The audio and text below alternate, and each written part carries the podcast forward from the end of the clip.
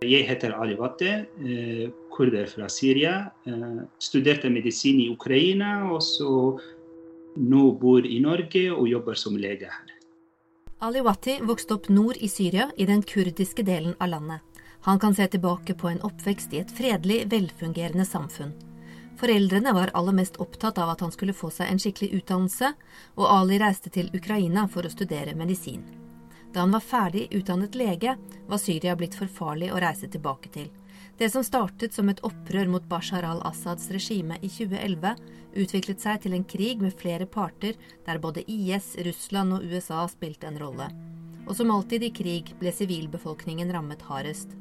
Ali Wati endte opp i Norge, og herfra fant han ut at det han kunne gjøre for hjemlandet sitt, var å bruke feriene sine til å hjelpe flyktninger og krigsrammede. Hver sommer har han reist til Syria eller nabolandene som frivillig lege. Det var veldig lærerikt for meg, og så veldig bra. Fordi folk så at jeg har kommet fra helt nordkloden dit hvor det er så urolig at jeg eh, forlater min trygghet for å være der og høre på dem.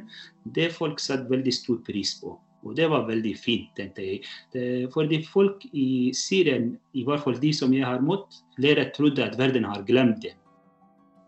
Jeg tror hvis vi begynner å bli mer bevisst på hvordan enkelte folk lever, hvordan enkelte folk sulter fordi det er skjebner som vi diskuterer, det er ikke tap. Når vi sier 60 er uten mat, det er flere millioner mennesker. Og tenk på hver, og en av de millionene hvordan deres hverdag i Syria er halve befolkningen drevet på flukt av krigen, som nå har vart i ti år.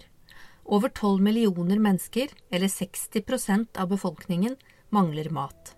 Tilgang på mat blir også brukt som et våpen i krigen. Når partene har kjempet om kontrollen av viktige byer som f.eks.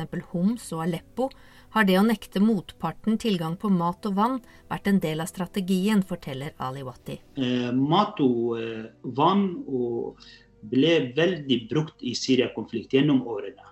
Vi kunne se fra 2012 allerede Homs var i beleiring, hvor folk fikk ikke mat. Folk begynte å spise røtter og papirer og blader. Så folk begynte å spise katter og hunder. Det var dramatisk. Mat det er akkurat som våpen. F.eks. i Syria, de som hadde våpen i hånd, de kunne holde kontroll over sitt område.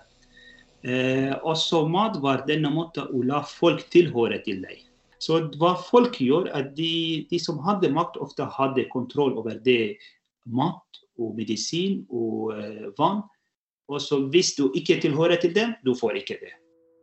Så dessverre, de folkene som bodde i beleiring, måtte sverge kameler for denne personen og akseptere deres vold, akseptere deres forbrytelser, bare for å leve sin hverdag, bare for å overleve. Hva, hva, ser du at krigen har gjort med de syrerne som du treffer? Uh, det har endret veldig dramatisk dem. Syrere, hvis vi sier for krig, de drømte. De hadde planer å forbedre sin situasjon og forbedre sitt land, eller også ha det bedre. I dag deres mål å overleve dagen. Og det er trist. Når folk mister håp, det er den verste som kan skje som en av krigens konsekvenser.